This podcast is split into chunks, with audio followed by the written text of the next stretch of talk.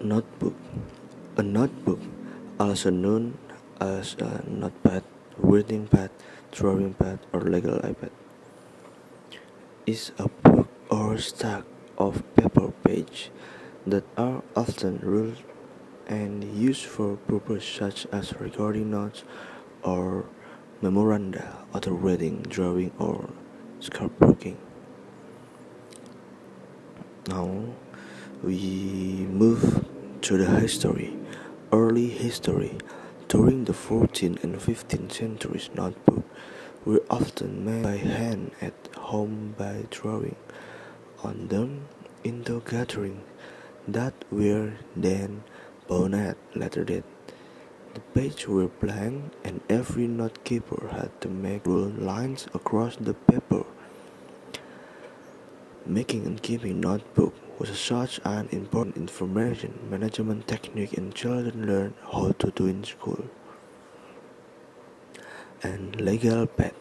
According a legend, Thomas Holley of Holy Holyoke, Massachusetts, invented the legal pad around the year 1888 when he innovated the idea to collect all the sourcing various sorts of substandard paper scrap from various factories and stitch them together in order to sell them as pads at an affordable and fair price in about 1900.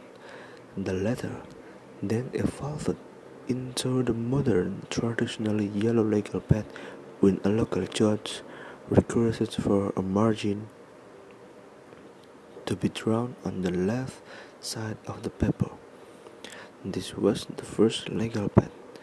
The only technical requirement for this type of stationery to be considered a true legal pad is that it must have margin of 1.25 inch from the left edge.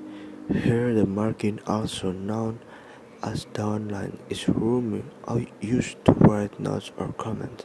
Legal pads usually have a gum binding at the top instead of a spiral or stitched binding.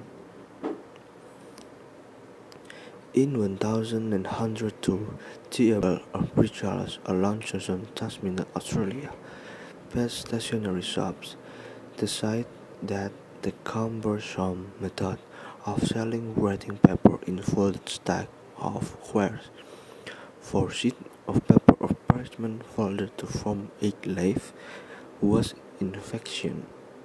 As a solution, he glued together a stack of half sheets of paper supported by a sheet of cardboard, creating what he called silver city warding tablet.